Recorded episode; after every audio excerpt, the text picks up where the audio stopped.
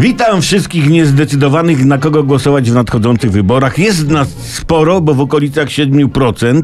Jeden pan powiedział w RMF 24, że generalnie elektorat w Polsce jest mniej więcej zabetonowany, dużych zmian nie będzie i te wielomilionowe kampanie partii są głównie skierowane do nas. Ha, tych 7% niezdecydowanych. Ja się czuję, słuchajcie, dopieszczony. Nawet do tego stopnia, że oddałbym głos na wszystkie partie, bo wszystkie wydają pokaźną monetę ciaćków, by mnie przekonać. E, no miałoby się ochotę, ale to byłby głos nieważny. Jak zatem my niezdecydowani powinniśmy głosować? Zwróćcie uwagę, że ogólnopolskich komitetów jest sześć.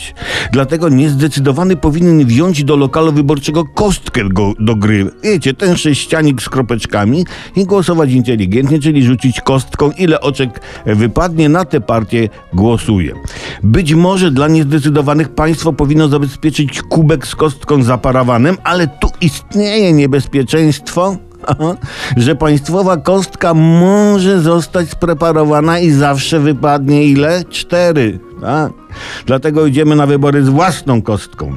Jeśli chodzi o referendum, to, to mamy do wyboru dwie odpowiedzi na każde z czterech bodajże, ile dobrze pamiętam, pytań. Dlatego tu znajdzie zastosowanie sześcian dwuścienny, taka kostka dwuścienna, prawda? Zwana monetą zwana monetą. Można zaparowaną zagrać też w papier, kamień, nożyce. To nic nie da, jest bez sensu, ale będzie trochę zabawy, o to też chodzi. Tak samo jak można pójść na wybory w pożyczonych majtkach, prawda?